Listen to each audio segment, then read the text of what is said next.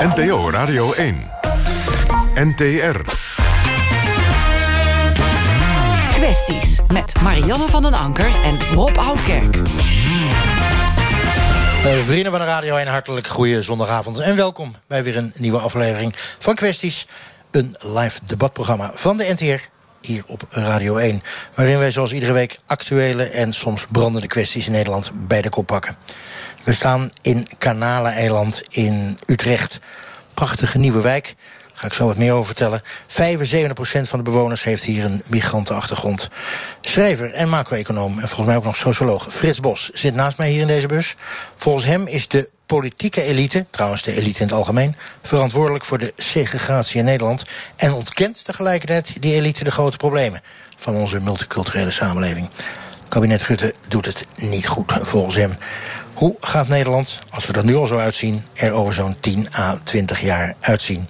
We gaan erover praten, niet alleen met Frits Bos, maar ook met anderen hier in deze gloednieuwe truck. Maar nu eerst Marjelle van Anker vanuit het Brabantse Rozendaal. Want als ik het goed begrijp, Marianne, is daar weer het zoveelste bijtincident met honden geweest. Marjan. Ja, dat klopt, uh, Rob. We staan hier op een uh, veldje waarbij er uh, recent twee kindjes zijn gebeten. Dus de vraag is heel duidelijk. Moeten honden na een bijtincident al meteen worden afgemaakt? Of zijn er andere oplossingen? Er is hier een kindje in juni gebeten en vorige week van dezelfde eigenaar overigens is weer een ander kindje hier gebeten. Het gaat natuurlijk om een van de honden op de lijst van 21. Een American Stafford en een Bull Terrier. Voordat we hier verder over gaan discussiëren wil ik u meegeven dat bijtincidenten niet hier alleen in Roosendaal voorkomen. Er wordt geschat 150.000 van dit soort bijtincidenten in heel Nederland. En uh, er was natuurlijk uh, bij de politiek al aandacht voor. Voormalig staatssecretaris Van Dam die heeft er nog voorgesteld dat alle hondeneigenaren van de 21 gevaarlijke hondensoorten per 1 januari 2018 verplicht op gedragscursus zouden moeten gaan met hun hond. Maar zijn opvolger, minister Carole Schouten van Landbouw, die is daar niet mee akkoord gegaan. En die heeft nu gezegd, elke gemeente mag dat zelf uitmaken. Is dat een goed idee? Nou, we gaan het daar uh, zo direct over hebben. We zijn eerst hier vandaag de straat op gegaan. En we hebben gevraagd aan de mensen, moet er nou gewoon eens een fokverbod komen voor American Staffords en andere, andere hoogrisicohonden? 100 procent. Ja, 100 procent. Zulke, zulke honden moeten ze opruimen. Ja. Dus eigenlijk bent u niet eens voor een fokverbod, maar meteen afslachten? Nou, afslachten is een groot woord. Maar fokken, nou, daar moet ze echt niet meer meedoen, vind ik. Heeft het hier uh, daarin gehakt, deze twee bij het incidenten, bij twee jonge kinderen? Ja, dat vind ik verschrikkelijk. Verschrikkelijk. Het moeten maar eens rijke kinderen zijn. Nou, verplichte opvoedcursus, bedoel, het kan ook met andere honden gebeuren. Dus uh, ik denk dat het gewoon verantwoordelijk bij het baasje moeten leggen. Nou, ik vind uh, hoog risicovolle honden moeten gewoon een uh, melkkorf op. En ja, dat is veiliger voor iedereen. Ja, je wilt niet op je geweten hebben als er kinderen gebeten worden of erger. Eigenlijk hoor ik het niet, hè. Het hoort toch niet zo.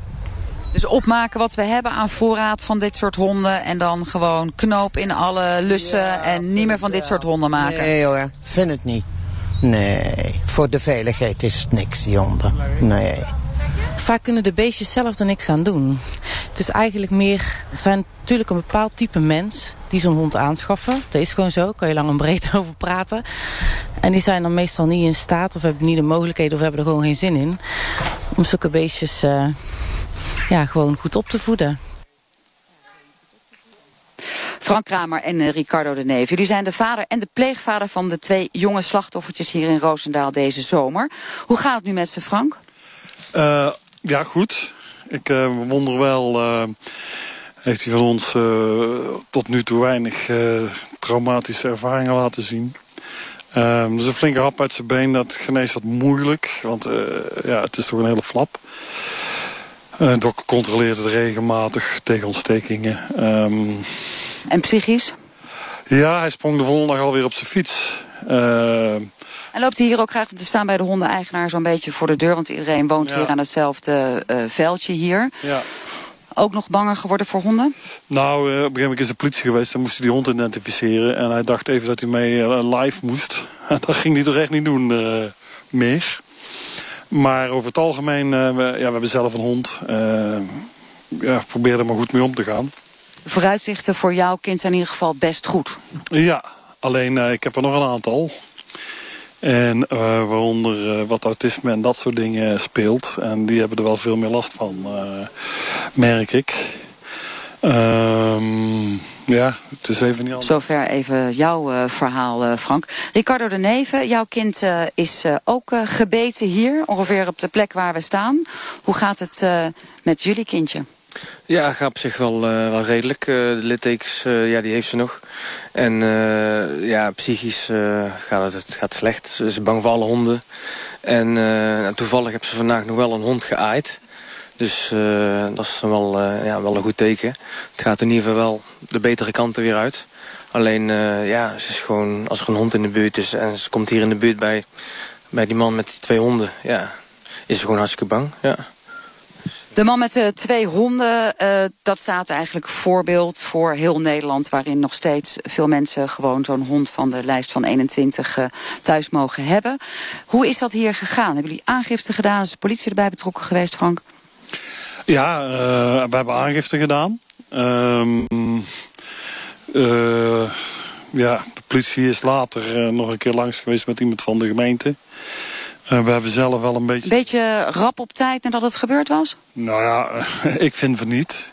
We hebben daar uh, op een gegeven moment gezegd van nou, ik bel de krant gewoon. Om de druk een beetje op te voeren. Want ja, naar mijn gevoel was het eigenlijk niet echt adequaat. Het duurde allemaal en duurde allemaal. En ik denk niet dat het handig is in zo'n situatie. Ricardo, kan jij daarbij aansluiten? Ja, ja zeker. wij hebben wij hebben aangifte gedaan en uh, er is de, volgens mij zijn ze een dag of twee zijn ze later zijn ze, zijn ze geweest. Voor of na de persaandacht? Uh, voor de persaandacht, ja, ja. Twee dagen later zijn ze... Dat dan weer wel? Dat dan wel, ja. Ze hebben, ze hebben de aangifte opgenomen. Uh, uiteindelijk zijn ze nog terug geweest. En uh, om die aangifte hebben ze ondertekend. En eigenlijk hebben ze niet meer gezien daarna. Nee. Um, nou neem ik ook aan dat de persoon zelf iets uh, kan doen van uh, degene van wie de honden is. En dat in ieder geval de verdachte is vrij helder, want iedereen weet waar die woont. Hebt u nog iets gehoord van de eigenaar van de twee honden? Jawel, uh, ze zijn aan de deur geweest. En um, ik heb ook gezegd, de naam opgenomen, het adres hebben ze er ook gewoon gegeven. En dat zei ik ook, heb ik ook tegen de politie gezegd. Bij mij waren ze op zich redelijk. ja, we zien wel wat er gebeurt. Ik heb ook verteld van wat ik ging doen, hè, aangifte doen en waar we voor zouden gaan. En waar zouden jullie voor gaan? Uh, in ieder geval melkkorven. Uh, want hier spelen heel veel kinderen en je kan hier niet met dergelijke honden gewoon maar rondwandelen. Dat gaat. Gemelkorfde honden. Was dat ook, Ricardo, waar jullie voor gingen? Uh, die oudste, nee, de jongste zoon is langs geweest de volgende dag zijn excuses aan te bieden. Maar die, zat, die was helemaal niet bij het uh, geval betrokken. En die, uh, de vader die heb ik pas een week later gezien. Dus en uh, nog niet eens de excuses aangeboden. Nee, die kwam alleen kijken om, naar mijn dochter, hoe het met haar gaat. En voor de rest, ja, voor de rest niks. En nog geen kaartje, nog geen leuke attentie of wat dan ja, ook? Ze, ze, hebben in ieder geval die jongste zoon, die heeft cadeautjes gebracht. Dus dat vond ik wel heel attent van hem. Nou, uh, is het natuurlijk een zaak van de politiek geworden en van de overheid. De wijkagent hier die heeft al op Twitter laten weten dat uh, de gemeente ertoe heeft besloten dat alle honden gemelkorfd moeten worden. Dus ik neem aan dat jullie daar heel tevreden mee zijn, Frank en Ricardo. Nou, voor mij wel. Dat was wel het doel. Um, je ziet, het is hier een heel leuk veldje. De hele wijk komt hier spelen. Uh, dan moet je niet met zo'n hond daar gaan rondlopen. Het risico lopen. En de beste manier tot nu toe, denk ik, dan is muilkorven. Eindgoed, al goed zou je denken. Maar daarom zijn wij hier niet uh, naartoe afgereisd. Want wat blijkt nou? We hebben de burgemeester gevraagd. Die wilde vandaag niet komen. Want er is ook nog zoiets als kermis in Roosendaal. En een ladies run. En bovendien zeiden ja, er is helemaal nog geen besluit genomen over dat melkkorven. Dus de wijkagent is zeer voorbarig geweest. Ik ga eerst mij verdiepen in het politierapport. En dan nog eens overleggen in de gemeenteraad. Dan zullen we nog eens kijken wat er aan de hand is. Is dat nieuw voor jullie? Dat is nieuw, ja. Dat is ons niet ook verteld. Uh, en wat vind je daarvan? Wat de gemeente heeft... Uh, er is iemand van de gemeente bij mij geweest die heeft gezegd van... Uh, omdat er zoveel sociale onrust was in de wijk, gingen ze muilkorven. Is dus niet waar, Ricardo. Morgen kan, als deze meneer het zelf niet wil... Um, er gewoon weer los uh, rondgelopen worden met deze American Stafford. Ja, dat gaat niet gebeuren in ieder geval.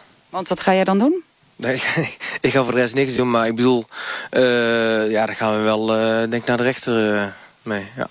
En misschien kan het er op een andere manier opgelost worden. Christian Vulé is hier, de fractievoorzitter van GroenLinks in Roosendaal. U zit ook in de coalitie, dicht bij de burgemeester. Ja, je hoort het, deze mensen zijn niet eens geïnformeerd dat er geen melkofverplicht is. Terwijl de wijkagent dat natuurlijk wel al had laten weten op Twitter. Kan je je voorstellen dat deze mensen teleurgesteld zijn en ongerust?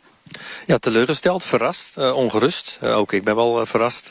ik ben wel vaker verrast hier in Roosendaal met communicatief hoe er omgegaan wordt naar de burgers. En wij als raad moeten af en toe ook wel eens alles bij elkaar zoeken om te kijken wat, wat is nou de informatie die, die echt erachter zit. Ehm, en je merkt nu al dus in feite de, de, de mensen om wie het moet gaan hier, de burgers, het belangrijkste. Maar ook de, de andere spelers, de politie, de burgemeester die toch ook verantwoordelijk is voor de veiligheid. dat het toch allerlei dingen langs elkaar heen lijken te lopen hier. En uh, het is heel belangrijk dat er uh, de, vanuit de APV moeten wij uh, in, in Roosendaal die regelgeving, die regelt in feite hoe dit, hoe dit allemaal werkt. In de APV staan ook duidelijke voorwaarden hoe er gereageerd moet worden op, op dit soort gevaarlijke honden. Christian, het zal, maar het is natuurlijk allemaal slappe hap. Want er is wel natuurlijk aangegeven, er komt een melkkorverplicht, die is er niet. Niemand kan hier handhaven. Kinderen zijn weer naar school, er wordt hier eindeloos gespeeld. En hier woont een man met twee honden die in ieder geval graag bijten. Dat weten we. Ja, dat, eh, dat weten we zeker. En het is, er is gewoon nog steeds heel veel onrust hier in de wijk. En er moet, en er moet duidelijkheid komen. En ik ga er ook zeker vragen in stellen in de gemeenteraad. Hoe dit nou duidelijk opgelost gaat worden. Maar wat, wat, wat vinden jullie? Want jullie, hebben jullie eigenlijk überhaupt enig idee hoeveel honden er hier in Roosendaal zijn? En hoeveel er bijten? Hebben jullie enig idee of je als GroenLinks voor een melkkorflicht gaat? Of voor een fokverbod? Nou, voor aantallen en hoeveel er bijten, dat, er is erg veel onduidelijkheid over. Er wordt uh, voor, mij een gevoel ook, ook, niet goed geregistreerd hier. Uh, ook, ook het aangifte doen en of het dan een aangifte is of een melding, dat zit ook een beetje tussenin. Uh, dus het is heel moeilijk om aan die cijfers te komen. En het is belangrijk om die cijfers wel te hebben. En als GroenLinks zijn we niet per definitie direct voor muilkorven of euthanasie, wat je ook dan heel hoorde in net de opnames. het gaat natuurlijk ook over dierenwelzijn, waar het ook om gaat. En een goede dierenwelzijn is een duidelijk baas die de leider is over de hond. Maar jullie zijn er nu van, hè? En jullie zitten in de coalitie. Dus wat wordt jullie standpunt als jullie straks deze bewoners gerust moeten stellen? En als voorbeeld moeten dienen ook voor GroenLinks en de rest van Nederland? Nou, sowieso in Roosendaal uh, geldt dat we gewoon duidelijkheid moeten hebben naar die burgers. En die moeten gewoon weten waar ze aan toe zijn. En die moeten ook weten waar ze aan nou, toe zijn. Dat honden voorlopig nog gewoon mogen bijten. Want ze hoeven niet met een melkkorf rond te lopen. Dus je bent gewoon levend wild levend wild, eh, dat, dat weet ik niet of dat zo is natuurlijk. Uh, het is gewoon zo dat we, we moeten wat veranderen. Er moeten duidelijke regels komen, of het nou muilkorf is of iets anders. Maar mensen moeten gewoon weten waar ze aan toe zijn. En daar gaan we voor zorgen, sowieso. Nou, Frank en Ricardo, um, vinden jullie dit goed genoeg? Nou, laat maar eerst even afwachten. Ik bedoel... Uh...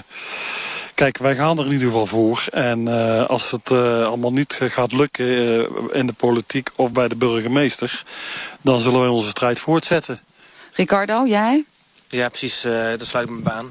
Bij, Maar zijn jullie, bedoel, ja, het is natuurlijk wel gewoon een feit... dat jullie net nog gerustgesteld waren... omdat deze eigenaar er kennelijk zelf voor kiest om nu met de melkorf rond te lopen. Maar als je ook vanavond hoort dat het niet hoeft... ja, eerder heeft hij het natuurlijk niet gedaan. Er zijn er ook nog andere honden die hier rondlopen.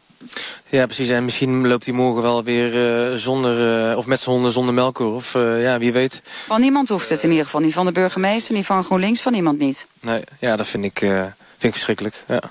Voorlopig, ja, jij kijkt verrast, maar jij zei, we zijn er nog niet uit. We gaan om dierenleed en we gaan eens even wat onderzoek doen. Nee, het, is niet, het gaat er, niet, er nog niet uit. Volgens de APV is het, het muilkorven kan direct. Dat is gewoon, het kan direct op het moment dat het als een gevaarlijke hond staat geregistreerd. En het bestuur dat besluit dat het een gevaarlijke hond is, mag het gewoon. Dus dat, die regels staan er nu in, daar hoef je niet over te twijfelen. Het is wel belangrijk dat de APV echt duidelijk gaat, gaat geven aan de andere groep honden, die, waartoe deze honden toe behoren. De groep van 21. En er is heel wat om te doen om die lijst. Aan de telefoon hebben we Jara Bossevin. Jij bent docent en advocaat dierenrecht. U volgt dit soort zaken op de voet. Wat vindt u nu van de houding van de verschillende gemeenten in Nederland? Want ze mogen allemaal zelf beslissen hoe ze het doen. Doen ze het allemaal even goed? ze doen geen van allen überhaupt iets. Um, alleen achteraf hè, krijg je nog een discussie over... Nee, of er achteraf een melkkorf moet worden opgelegd. Maar intussen hebben we dus al twee zwaar gewonde kinderen en nog veel meer. Want we hebben het nu over twee die de pers hebben gehaald. Maar er zijn er natuurlijk nog veel meer die de pers niet halen. En al in 2008, toen de minister toen het pitbullverbod afschafte... zei die minister in een brief aan de Tweede Kamer... gemeente, vanaf nu is de taak om gevaarlijke honden aan te pakken aan jullie. En nu tien jaar later, ze hebben de zware aanvallen zich opgestapeld... en zeggen gemeente, god, moeten we wat doen? Nou, dat is apart zeg.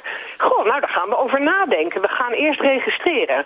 Maar als je nu gaat registreren, nog tien jaar... dan zeg je feitelijk, we accepteren nog tien jaar lang... dit soort zware slachtoffers.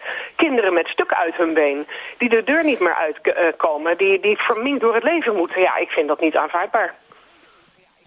Ik vind dat de overheid Christian kinderen moet u bent beschermen. er vanaf 2008 verantwoordelijk. En eh, u moet gewoon als de sodemieter aan de slag. U hebt de hele tijd niks gedaan. Ja, ik vind ook gewoon dat het is zeker, de bestuur moet aan de slag. Wij als gemeenteraad moeten duidelijk gewoon nu de regels eh, maken.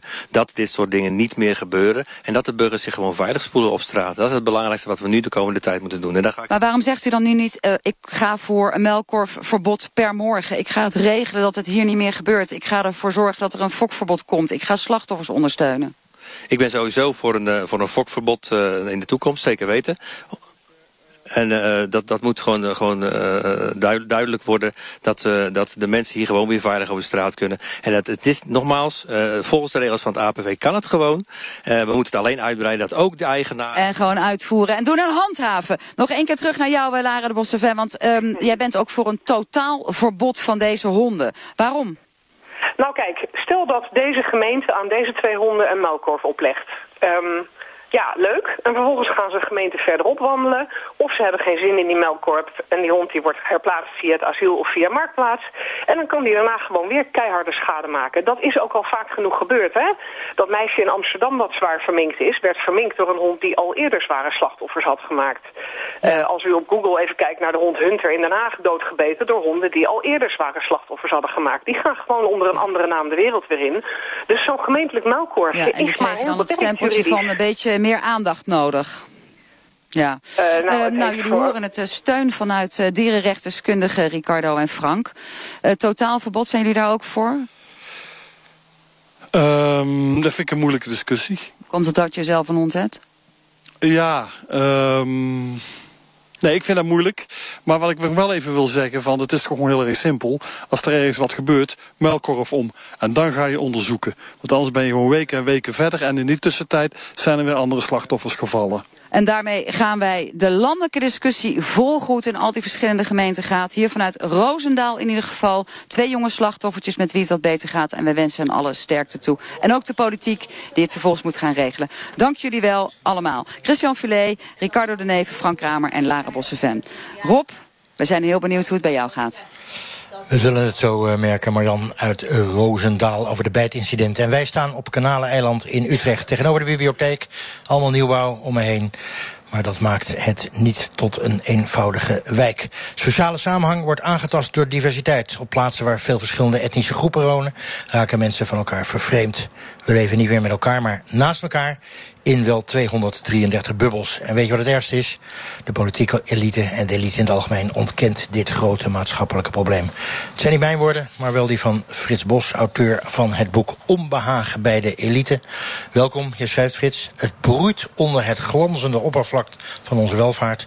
De elite trekt zich terug in een bubbel en ontkent maatschappelijke problemen. De elite kijkt weg. Geef daar eens voorbeelden van. Wel Rob, ik heb, eh, ik heb met diverse groepen die je elite zou kunnen noemen. Ik heb eh, elite eh, gedefinieerd als mensen die een zekere mate van invloed hebben. Die wat hoger zeg maar, in de bovenklasse van de maatschappij functioneren. Ik heb verschillende eh, groepen, bijvoorbeeld serviceclubs, eh, gesproken. En uh, ja, die mensen die, uh, die ontkennen eigenlijk dat er iets van een uh, integratieprobleem is. Ze weten eigenlijk ontkennen? van niks. Echt ontkennen? Ja, echt ontkennen. Kijken weg of snappen het Kijk, niet? Of weten kijken het niet? weg, uh, snappen het niet, weten, weten het of niet. benoemen het niet. En benoemen het niet en willen het niet weten. Maar heb je het idee, want jij hebt met ze gepraat, heb je het idee van ze weten het wel, maar ze durven het gewoon niet te zeggen? Nou, heel sommige mensen die weten het wel. En, en, maar ze, ze leven in een droomwereld. En, ja, wat is die droomwereld dan? Die droomwereld die is, bestaat uit goed hard werken, veel verdienen, mooie reizen maken. En wegkijken. Wegkijken, SUV rijden en het tweede huis in, in Spanje kopen. Um, dus uh, ja, het is een, een hele eigen, eigen ons, ons kent ons. En, en als je zegt, joh, het, uh, het gaat eigenlijk niet goed, want, er zijn goede rapporten verschenen waaruit dat blijkt. Um, dan zijn ze eigenlijk niet alleen, ze ontkennen het niet alleen, maar ze worden eigenlijk ook nog boos op je dat je het zegt. Want ze gaan je dan ook zelfs nog verketteren. Maar je, zegt in je boek, die enorme diversiteit, hè, uh, gigantisch in Nederland... slecht uitgepakt voor alle groepen. Ja, ja, dat, dat, is, dat, staat niet, dat heb ik niet verzonnen. Dat is het uh, wetenschappelijke uh, rapport van de, van de regering. Ja, ik zal het even citeren. De sociale samenhang, zegt de WR, het wetenschappelijke rapport van regeringsbeleid... of wetenschappelijke raad voor het regeringsbeleid. De sociale samenhang in het land is aangetast door meer diversiteit. En ze concluderen ook, uh, de sociale cohesie is aangetast. Maar, zeggen ze, sociale cohesie, dat is niet het belangrijkste in het leven. Zijn dat ook wegkijkers, de WR? Nee, absoluut. Ze, ze, ze, gooien eigenlijk de handdoek in de ring. Ze zeggen, ja, we moeten ermee leven. Er zijn ergere dingen in het leven dan dat, zeggen ze. Dus leef er eigenlijk maar mee. En, en dan zeg ik, ja, ik leef er helemaal niet mee.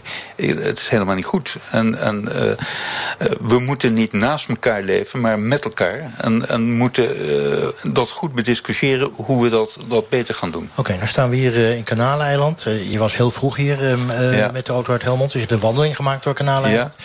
En je zei, je kwam terug in de bus en toen zei je... bijna allemaal allochtoon. Ja. Um, dat klopt ook hier. Veel lage inkomens, zwarte scholen, gesegregeerde wijk. Wat is daar mis mee? Nou, daar is op zich helemaal niks mis mee. Ik heb ook nog even met uh, iemand aangeklampt, uh, zowel allochtoon als, als autochtoon. En zegt, nou ja, op zich uh, helemaal niks mis mee. Dat, dat is ook prima. En, en ik geloof ook zeker dat ze op, op een normale manier en in vrede met elkaar leven. maar... maar ik, ik heb, eigenlijk dacht ik tot voor kort van, nou ja, laat het zo. Uh, als, als het niet integreert, je, je kan het niet dwingen. Maar aan de andere kant zeg Het is wel een bubbel, net zoals die elite. Het is een bubbel, maar uh, er wordt wel gezegd... ja, je wordt, ze worden gediscrimineerd en ze komen niet aan een job. Als je aan een job wil komen, dan moet je integreren. Want anders word je in het bedrijfsleven word je gewoon niet geaccepteerd. We gaan het er zo verder over hebben. Ook hier in de bus, die ik steeds truck noem... omdat het meer op een truck lijkt dan een bus. Melody Del uh, Iraans, hè? Hoe lang ben je in Nederland? Um, sinds mijn vijftiende, dus inmiddels heel lang geleden. Op mijn vijftiende gevlucht uit Teheran. Hoe ben je? Dan mag je niet verhaal, van vrouwen. inmiddels heel lang woon ik hier. hey, maar je bent uh, gemeenteraadslid voor GroenLinks ja. sinds maart. Uh, leef jij ook in je eigen bubbel? Nou, ik moet eerlijk zeggen, uh, ik uh, werd gebeld door jullie fantastische redactie. En ze zeiden of ik hier kon uh, komen vandaag debatteren met Frits Bos. En het zou gaan over de politieke elite en onze rol eigenlijk ook in die bubbels. Dus ik ging de artikel natuurlijk ook lezen wat Frits in Parool had geschreven. En ik heb gewoon echt een paar keer moeten lezen om het te begrijpen. Omdat er zoveel elitaire woorden in waren dat ik echt een woordenboek bij moest pakken. Je zegt Frits is gewoon ook elite. Ik vroeg me dus af, ben ik als GroenLinkser de elite of de gewone man? Dus, wie, dus ja, nee. Oké, okay, maar daar gaan we niet over vechten. Maar, maar nu even naar de inhoud. Want hij zegt gewoon, ja luister eens, er zijn allemaal problemen. En de elite, het zal niet de hele elite zijn, maar de elite kijkt gewoon weg. Herken je dat? Uh, ik herken het niet uh, voor mij als raadslid van GroenLinks. Ik vind het uh, een belangrijk onderwerp. En ik vind het ook heel goed dat er mensen zijn die hier over de politici scherp houden. En in Utrecht werken we ook hier aan. Daarom zit ik natuurlijk ook hier. Ik heb portefeuille diversiteit en integratie onder mijn hoede. En we zorgen ook dat we niet alleen praten over, maar ook echt concrete oplossingen zoeken. Oké, okay, maar nou zitten wij hier op Kanaaleiland of in Kanaaleiland. Ik weet nooit of ik in of op moet zeggen. Meer dan 75 procent allochtoon. Uh, eigenlijk gewoon een bubbelwijk, integreert niet. Hoe slecht is dat? Um, kijk, er wordt een woord slecht noemen bij multiculturele samenleving vind ik al slecht, zou ik maar zeggen. Dus ik wil graag vanuit een positieve uh, benadering dat bekijken. Dus wat wij in Utrecht doen, vinden, wij vinden het heel belangrijk dat we ervoor zorgen dat alle wijken met elkaar verbonden worden. Dat doen we door verschillende uh, manieren. Bijvoorbeeld het beleid van uh, onze horecabeleid. GroenLinks staat ervoor dat we graag willen dat in alle wijken goede voorzieningen zijn, dat er gezelligheid komt, dat mensen elkaar elkaar kunnen ontmoeten. Dus daar zijn we heel veel in Utrecht Nou, dat bezig. ga je even onderbreken. Snap ik. Eh, Hartstikke goed voornemen. Maar denk je werkelijk dat ze deze buurt... Ik, ik heb net mijn auto geparkeerd ergens. Ze zitten gewoon allemaal bij elkaar. Die gaan toch niet in een andere wijk eh, hun pilsje halen? Of hun spaatje? Eh, nou, het gaat er vooral om, als je kijkt nu naar dit wijk en de binnenstad, daar kwam ik net dan vandaan. En dan je ziet de verschil. Daar is heel veel te doen en hier is veel minder te doen, waardoor mensen binnen blijven. Dus voor mij is het heel belangrijk om ervoor te zorgen dat overal in alle wijken genoeg reuring is, dat mensen naar buiten komen, elkaar ontmoeten, positieve ervaringen hebben. En dat heet integreren, elkaar leren kennen. Oké, en daar is nog een lange weg te gaan. Als de WR het zegt, vragen wij het ook op straat. Dus wij vroegen op straat letterlijk of de sociale samenhang aangetast is door de diversiteit. Nee, dat lijkt mij nou niet. Het lijkt me dat soms kunnen mensen elkaar moeilijker vinden. eh, omdat ze elkaar nog niet meteen begrijpen. Hè, er zijn buren gekomen die misschien een andere moedertaal hebben dan jijzelf. Of andere gewoontes. Maar eh, de bereidheid van buren om elkaar te ontmoeten, die zie ik steeds weer. Ja, dat denk ik wel, maar ik denk niet per se dat dat door de diversiteit komt. Meer de manier waarop we omgaan met diversiteit. Bijvoorbeeld dat veel mensen dus eh, van een bepaalde afkomst in een bepaalde wijk worden geplaatst. Waardoor je dus krijgt dat ze bijvoorbeeld bij dezelfde school zitten en dat daar weinig witte kinderen bij zitten. Ik denk dat dat eerder het probleem is dan de diversiteit zelf. Ik merk dat wel eh, dat het eh, aangezien er best wel hier in Nederland verschillende diversiteit is. Ook verschillende culturen. En af en toe botst dat wel qua cultuur. Je merkt dat ook, ook eh, op scholen, op werk en op... het is meer ook zo'n soort discriminatie. En het, het klinkt wel hard, maar het, het zit er wel in. Ik, merk dat wel.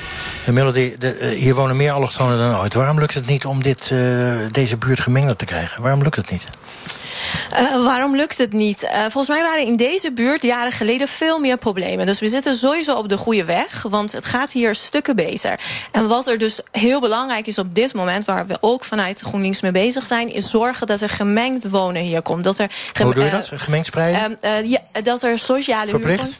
huurwoningen. nee, dat er sociale huurwoningen ja. zijn een aantal, maar ook koopwoningen. Dat doen we bijvoorbeeld ook in de Overvecht. Dat we echt toezicht houden, dat er een mengeling komt van diverse. Want het heeft niet alleen met diversiteit en culturele achtergrond te maken. We moeten ook zorgen dat er wijken zijn met diversiteit in inkomsten. Over de intentie is natuurlijk niks uh, kwaads te zeggen. Maar jullie zijn al veel langer zijn jullie aan de macht hier in Utrecht. Toch lukt het niet, wat je zegt. He, want er komen er steeds meer. Nou ja, dat is nou het probleem, denk ik, van politiek. Dat mensen vaak denken dat dingen die in lange termijn moeten gebeuren... niet goed zijn. En dat is juist waar we heen moeten. Dat we onze mindset veranderen. Dit soort complexe problemen hebben lange termijnvisie nodig. En daar zijn we mee bezig hier. Ik uh, krijg het even uh, op mijn schoot geworpen dat ik nog even moet wachten, begrijp ik. Zal ik even doen, maar ondertussen uh, ga ik even naar Frits terug. Even over die bubbels, hè? meer dan 200 bubbels. Ja. hier is een bubbel in de Kanaleiland. Je zou kunnen zeggen dat Amsterdam de grachtengordel dat het ook een bubbel is. Je zou ook kunnen zeggen dat Staphorst een bubbel is, dat Ja. Urk een bubbel is. Ja. Wat is er eigenlijk tegen? Wat er tegen is, kijk, waar we ons zorgen over maken, uh, komt een uh, brandweerauto voorbij. Uh, Maakt niet uit, praat gewoon door. ja, wat, wat we graag willen weten is. ehm, Laat je niet afleiden, daar komen wel meer brandweerauto's voorbij in het leger. Ehm, ga- komt onze, onze westerse maatschappij en, en onze vrijheid van meningsuiting, onze westerse cultuur, onze Nederlandse cultuur, komt die niet, eh, wordt die niet bedreigd? Maar, maar, maar, maar wacht even. Mensen in Staphorst die leven daar graag. Ja. Mensen op Urk die leven daar graag. Ja. Mensen in eh, Tolen leven daar graag. Ja. Willen helemaal niet naar de grote stad. Willen Nee. helemaal niet integreren. Nee.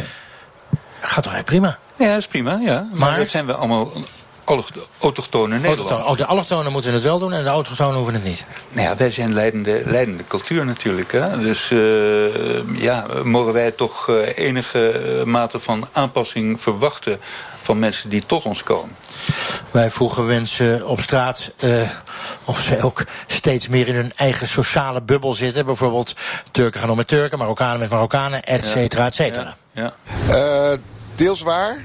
Ik denk dat eh, mensen wat banger zijn en zich terugtrekken in hun eigen bubbel. Vooral online zie je dat steeds meer gebeuren. Maar als ik op zaterdag naar eh voetbalwedstrijden van mijn dochter ga kijken, dan, eh, Loopt daar alles door elkaar heen? Uh, ja, dat denk ik zeker, ja. Ik ben zelf christelijk en dan zie je dat ook gebeuren. Dat je soms naar je eigen clubjes, verenigingen, stichtingen en uh, kerkverbanden gaat. Dus ook daar zie je het gebeuren. Dat klopt wel. Maar dat komt meer omdat dan zeg maar, iedereen zo zijn eigen interesses en zo heeft.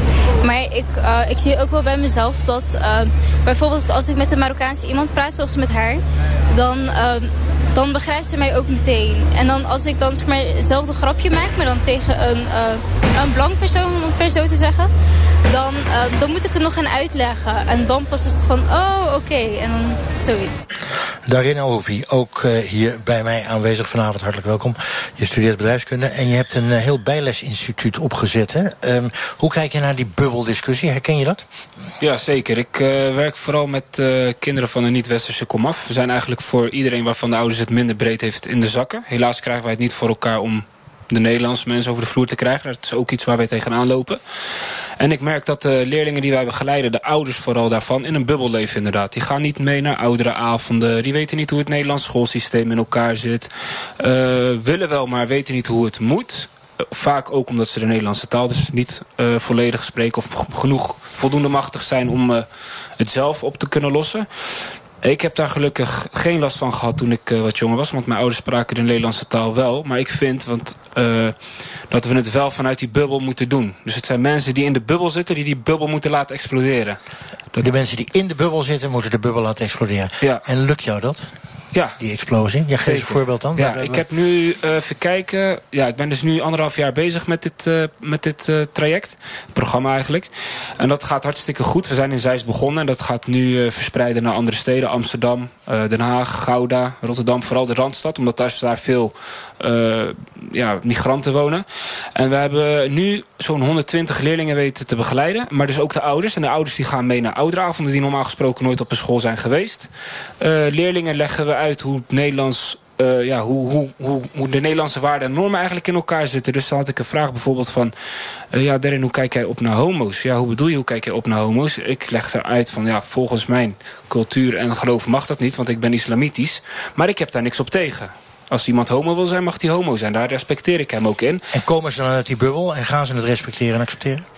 Ja, voor een deel wel, voor een deel niet natuurlijk. Er zijn natuurlijk altijd de, de harde kern die blijven aanhaken aan de oud gedachtegoed... wat zij vanuit Marokko bijvoorbeeld hier naar Nederland hebben meegenomen. Mm. Maar een groot deel, vooral van de nieuwe generatie ouders... dus niet de eerste generatie, die, die komt daar wat losser in. En de kinderen eigenlijk ook. Want het heeft natuurlijk allemaal met opvoeding te maken. En als zo'n harde kernvader tegen het kind zegt van dit mag wel en dit mag niet... dan uh, is het lastig om dat uh, te doorboren. Maar omdat wij dus zelf heel jong zijn... ik ben zelf 21 en de jongeren zien mij echt als een broer... en de andere begeleiders als broer en zus... lukt het ons wel om dat beeld te veranderen. Dus je moet eigenlijk jonger zijn om mensen of jongeren uit die bubbel te trekken, begrijp ik? Nee, ik, nee je moet een rolmodel voor de jongeren zijn. Oké, okay, maar dat, dat, ja, dat, dat de leeftijd kan daarbij een rol spelen. Dat met oude heren en dames misschien niet. En over homo's gesproken um, en homoseksualiteit, uh, het kan geen toeval zijn. Uh, Siep de Haan is aan de telefoon, nu docent Nederlands. Vroeger een van de organisatoren, wiskunde, neem me niet kwalijk. En vroeger een van de organisatoren van de Amsterdam Gay Pride. Uh, Siep, goedenavond. Goedenavond erop. Zeg, um, punt van zorg in, in, de, in dat bubbeldebat is natuurlijk e emancipatie, acceptatie van iemands geaardheid. Als je het nou zo hoort uh, over mensen die in hun eigen bubbel zitten, hoe gaat het dan met die homo-emancipatie verder de komende jaren? Uh, nou, in de eerste plaats vind ik dat ik uh, uh, um, enorm voorstander ben van heel veel bubbels. Want ik denk, laat die bubbels gewoon bestaan. Want 230 bubbels zijn ook 230 culturele verschillen. En ik denk dat we vreselijk veel van elkaar kunnen leren. bijvoorbeeld de westerse maatschappij is heel erg gericht op het individu. Terwijl allochtone groepen, bijvoorbeeld Marokkaanse, zijn meer gericht op het wij en op de familie en op solidariteit. En daar kunnen wij gewoon als westerse uh, mensen echt wel wat van leren. En zij kunnen omgekeerd ook weer wat van ons leren. Okay, Bijvoorbeeld op, op het gebied van homoseksualiteit. Daar zijn wij weer verder mee. Dat, dat snap ik wel, maar uh, nou even, uh, even advocaat van de duivel spelen. De, de, de, religieuze kringen worden, althans sommige mensen in bepaalde religieuze kringen, worden steeds religieuzer, conservatiever.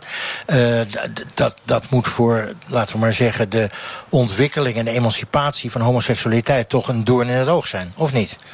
Ja, maar toen ik uh, zeg maar mijn emancipatiestrijd uh, begon, toen protesteerde ik tegen de Rooms-Katholieke Kerk en de paus. En nu uh, richten we onze aandacht misschien op conservatieve groepen moslims. Maar ik ben ook altijd heel erg hoopvol. Ik vind investeer in de jongeren, dat doen we in het onderwijs ook. Bijvoorbeeld het vorige kabinet heeft verplicht gesteld dat er voorlichting moet zijn gericht op homoseksualiteit en op uh, bijvoorbeeld allochtone jongeren. En gaan met die mensen in discussie. En zijn ze daar gewoon eerst negatief over, dan blijkt in gesprekken dat ze gewoon uh, eigenlijk best wel openstaan voor nieuwe inzichten. Maar, uh, dus, ja, oké, okay, snap ik. Maar, maar, maar weet je, ik, ik leef al sinds jaar en dag in Amsterdam. Daar wordt de acceptatie van homoseksualiteit, terwijl het toch zo'n ontzettende progressieve stad is, nou niet bepaald beter. Dus ben je nou positief of ben je nou negatief? Hoe zit dat met die verdraagzaamheid? ik vind dat we van elkaar moeten leren dat we uh, verdraagzaam zijn. En dus intolerant tegen intolerantie. En uh, we moeten elkaar soms wat meer tijd geven om die progressieve stappen te zien. over en weer. Wij maken ook fouten. Hè? De, de 230 bubbels en ook de elitebubbel of de Volendamse bubbel, die discrimineert onderling. we zijn soms slachtoffer van elkaar en soms zijn we dader naar elkaar. En als we dat erkennen, als we zien dat we gewoon uh, over en weer discrimineren, kunnen we misschien ook samen op een onorthodoxe manier gewoon bedenken van we, we gaan daarmee stoppen. En ik denk gewoon oh, het beste manier om daarmee te stoppen is vanuit het onderwijs en met de jongeren.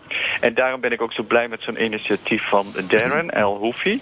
Hij, hij zet die huiswerkinstituten op eigenlijk om gewoon ook allochtone kinderen of andere met een geringe financiële situatie, om die te helpen. Want samen kunnen we dan gewoon een toekomst opbouwen waarvoor iedereen een plekje is. Oké, blijf even hangen, Siep. We komen er ongetwijfeld zo direct nog op terug. Op het belang van het onderwijs. Het is precies tien over half negen. U luistert naar kwesties. En we staan, uh, zoals reeds gezegd, met onze NPO Radio 1 druk in Utrechtse wijk Kanaaleiland. Een wijk waar voornamelijk mensen met een migrantenachtergrond wonen. Leven alle nationaliteiten hier in Nederland over zo'n tien jaar nog met elkaar of volkomen langs elkaar. Kom even bij jou terug, uh, Siep. Wie, wie, is nou, want we zien een behoorlijke segregatie in Nederland. Wie is daar nou het meest verantwoordelijk voor? Dat we, dat we niet met elkaar, maar langs elkaar leven, naar jouw mening? Ik, ik denk dat we uh, uh, ons allemaal even de uh, schuld moeten geven. Want het is een beetje flauw om de ene bubbel meer schuld te geven dan de ander. En we maken allemaal fouten. En dat is ook helemaal niet erg. wat me wel altijd stoort is dat, dat er een soort linkse moraalpolitie aan het ontstaan is... waardoor sommige mensen niet meer durven uit te spreken... wat, wat ze aan oplossingen zien of wat ze aan problemen zien. Maar ik denk, de, ik denk echt dat we vanuit de, de jongere groepen. Ik zie zoveel progressieve allochtone uh, mensen. Dat ik denk van die groepen die gaan elkaar zeg maar uh, in de vaart der volkeren opslepen. En dus daarom denk ik, ik denk ook wel eens van er zou een coaching systeem moeten zijn van succesvolle studenten als Darren. Die middelbare scholieren, allochtoon, niet allochtoon, maar mensen met achterstand, om die gewoon op te peppen en mee te nemen. Oké, waarvan, waarvan, waarvan akte. Nou, was het begin van de uitzending was ik al met Frits Bos aan het praten over dat onbehagen bij de elite. We kregen het er even over Frits van ja, weet die elite het nou niet? Benoemt ze het nou niet? Um, is het niet een beetje de schuld van de politieke elite? Laten we, Stef Blok zei van alles, hè, vlak voor de zomervakantie. Die moet woensdag voor zijn politieke leven vechten. Want oh, oh, oh, hij mocht het allemaal niet zeggen. Maar als we nou even kijken wat hij zei. Hij zei, ik heb geen vreedzaam voorbeeld van een multiculturele, multi-etnische samenleving... waar de oorspronkelijke bevolking nog woont. Dat zeg je toch in feite ook? Ja, nee, uh, ik, ik vind ook uh, verstandig dat daarover gedebatteerd wordt in de Tweede Kamer. Nou, wacht even, hij moet misschien wel hangen woensdag. Nee, zien wat ja, ik, ik, zou dat erg onverstandig vinden. En, uh, nee, ik, ik denk dat Siep die zei dat, dat we allemaal schuld hebben. Ik kijk vooral naar de elite. En, en, want wij hebben het gedaan. De politieke elite heeft altijd de ogen gesloten.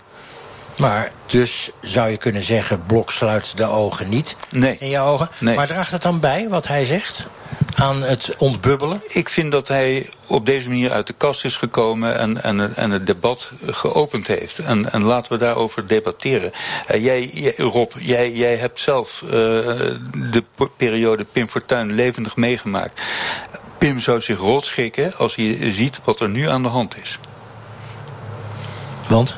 Want uh, we zien dat, dat burgemeesters niet weten wat er in hun gemeente gebeurt. We zien dat, dat er veel meer, minder vertrouwen is. De sociale cohesie die is minder. Er is meer armoede door diversiteit. Minder vertrouwen, meer vervreemding. En de beleidsmakers die weten niet goed wat er aan de hand is in, in het land. Okay. En het is, en wederom zeg ik, het is voor allen slecht. Dus slecht voor Nederland en voor iedereen die hier woont? Absoluut. En dat moet doorbroken worden. En zo'n uitspraak van Blok zou daar iets aan kunnen doen. Melody? Ja, ik wil er even iets aan toevoegen, want ik heb de rapport van WRR ook gelezen uitvoerig. En ik kon daar niet uithalen wat u beweerde in uw artikel of in uw boek. Want uh, daar stond niet in dat diversiteit de schuld is, dat er geen sociale cohesie is of dat er economische groei niet bestaat. Dat was veel genuanceerder. Zij legde uit dat het onderwerp heel complex is. Dus het is sowieso moeilijk om ergens de schuld bij te leggen. Mm. En wat zij zeiden was dat de middengroepen hebben last in de wijken van een gevoel van onveiligheid. Maar het komt niet niet door diversiteit, maar het komt door een algehele gevoel van onveiligheid, doordat men te veel te verliezen heeft. Dus wat ik denk als politicus is. Waarom voelt die middengroep zich onveilig? Want hebben nou, ze schulden? Uh, zijn ze werkeloos? Hebben ze schulden? Dus mijn oplossing is niet om de schuld verleggen naar diversiteit, maar juist kijken wat die groep, andere groep nodig heeft om zich veilig te voelen. Mm. Ik denk dat ik dan toch een ander rapport heb gelezen dan jij, uh, Melody. Uh, het staat er toch heel duidelijk in dat het allemaal te maken heeft met diversiteit. Dat we te ver zijn doorgeschoten. We hebben te veel diversiteit ge, ge, ge, binnengehaald in Nederland. Grenzen dicht? Vind ik wel. Vind ik wel. Vraag ik ook maar even aan de twee opponenten die niet toevallig tegenover jou zitten. Melody, grenzen dicht? Ja, ik vind dat een leven in een bubbel als je denkt dat de grenzen dicht doen de oplossing is. Teun? Nee, zeker niet. Echt. Gewoon nee, zeker niet. Maar als we die problemen wel hebben en ze bestaan, laten we even aannemen dat de WRR en een aantal anderen in ieder geval het gelijk, misschien niet voor 100%, maar voor 80% aan hun zijde hebben. Dat misschien Frits Bos gelijk heeft dat iedereen er misschien te veel over zwijgt. Wat moeten we dan doen? Wat zijn de oplossingen? Ik begin maar bij jou erin. Wat zijn de oplossingen? Behalve wat jij doet, hè? waar je gesteund wordt door Siep de Haan en niet zo'n beetje ook. Ja, klopt. Ja. Siep uh, die helpt me enorm. Nee, ik vind dat we, we kijken als mens te veel naar de verschillen in plaats van naar de gelijkenissen. Dus ik denk dat we gewoon met z'n allen er tegenaan moeten. En het is ook bijvoorbeeld met de statushouders zo. Die moeten dan geholpen worden door mensen die zij niet kennen.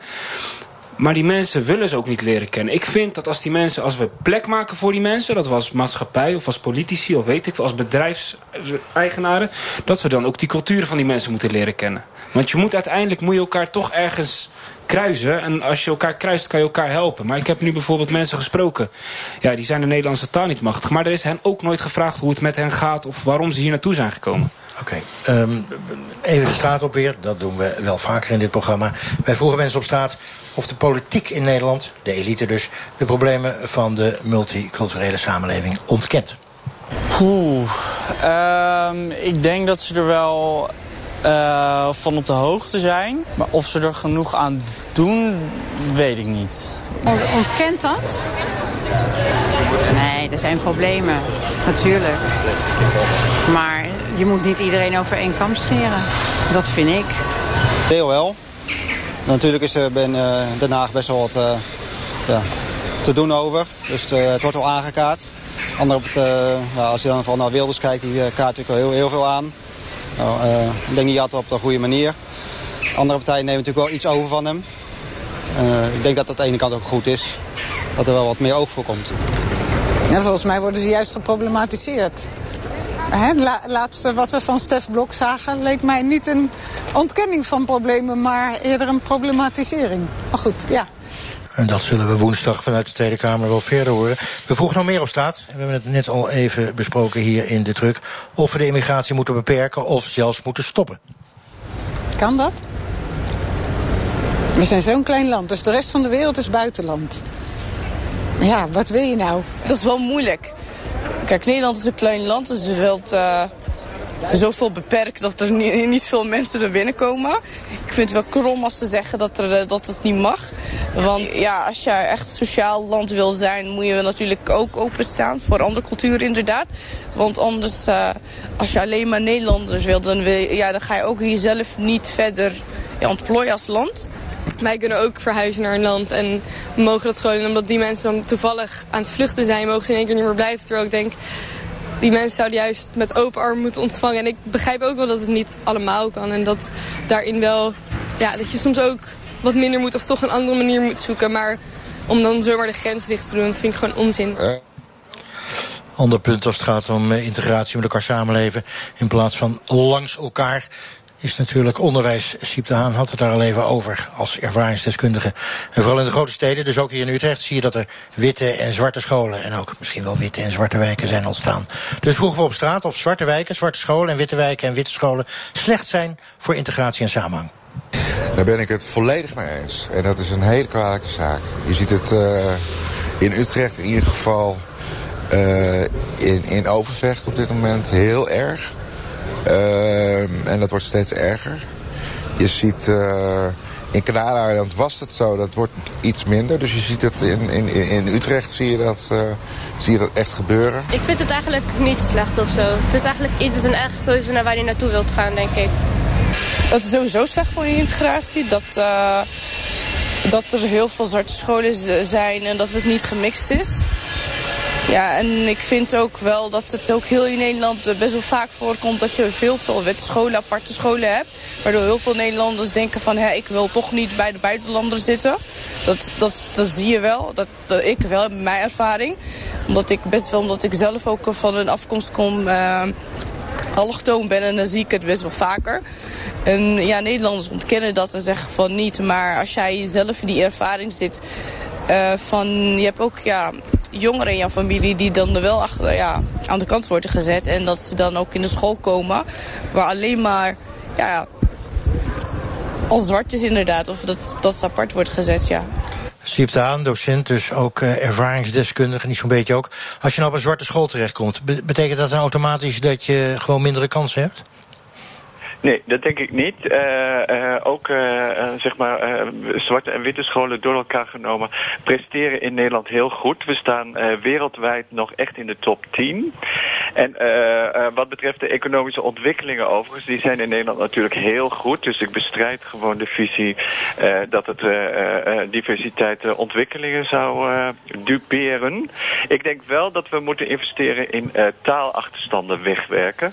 Want een Syrische vluchteling die hier komt, die heeft natuurlijk een taalachterstand en daardoor een lagere CITO-score en daardoor een lagere vervolgopleiding. En als we nou extra investeren in iets simpels als een uh, taalkursus, dan kunnen we ze echt helpen en dan geven ze ook die toekomst die zij zo graag willen. Je blijft uh, onverbeterlijk, maar ook wel heel fijn uh, optimistisch, Siep. dankjewel. Ja, Even naar Frits. Ja, dat is heel goed hoor. Ja, dat, nee, maar dat is wel duidelijk geworden. Ja. Frits, de, de, dat boek lezend, jij vreest zelfs voor Parijse toestanden in het land. Hè? Dus ja. uh, etnische rellen zoals in Parijs.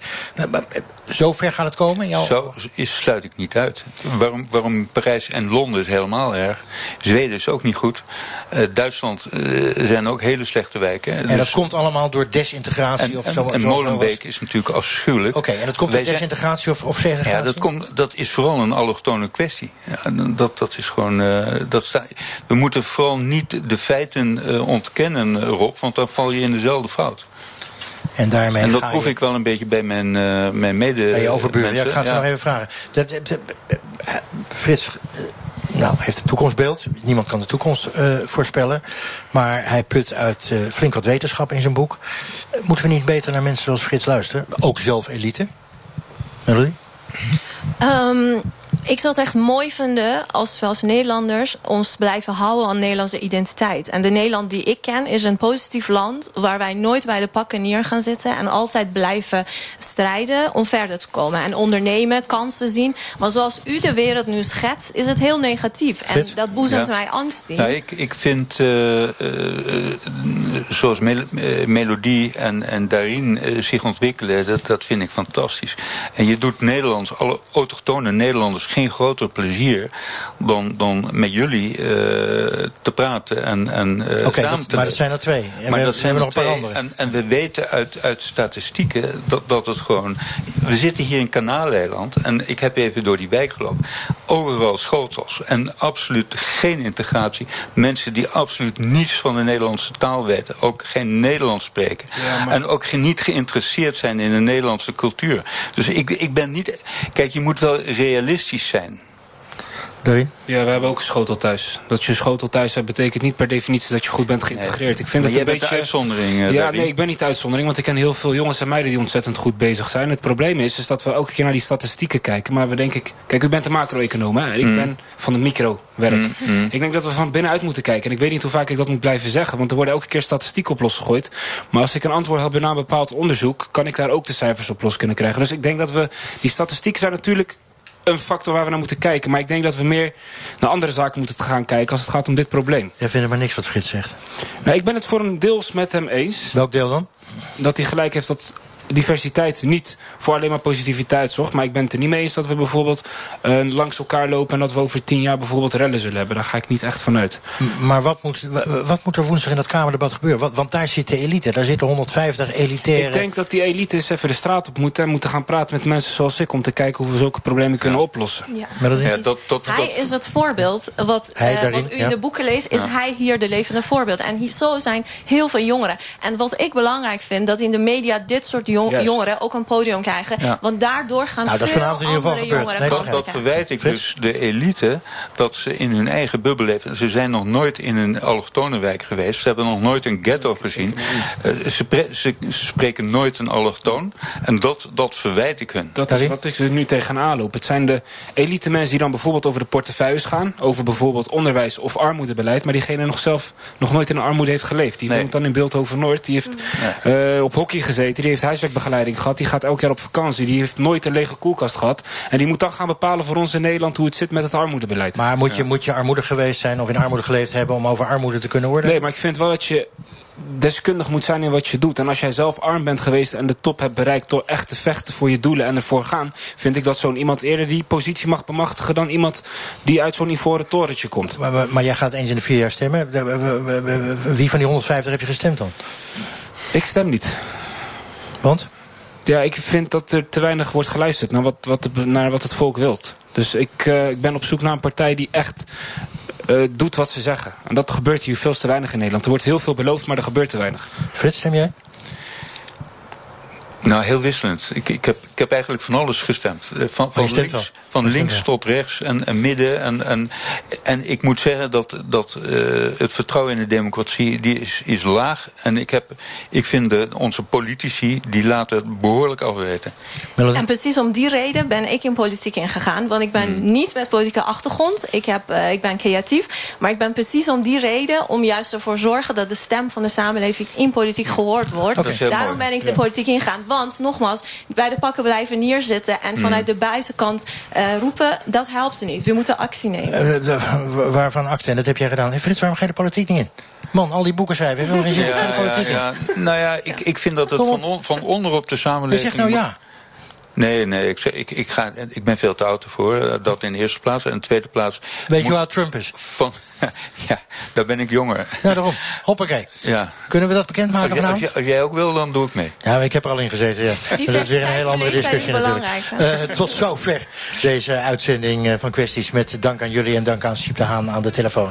Vanuit Roosendaal, Marjan en vanuit Utrecht eh, door ondergetekende. Volgende week zondag, denkt u, gaan we weer luisteren. Maar dan zijn we er niet, want dan wordt er gevoetbald. Maar de week daarna zijn we er weer ergens in het land. Bekijk ook onze Facebookpagina voor alle extra's. En als u dan nog een kwestie hebt, bespreek hem dan. Mail ons kwesties.ntr.nl. Ik wens u een mooie avond.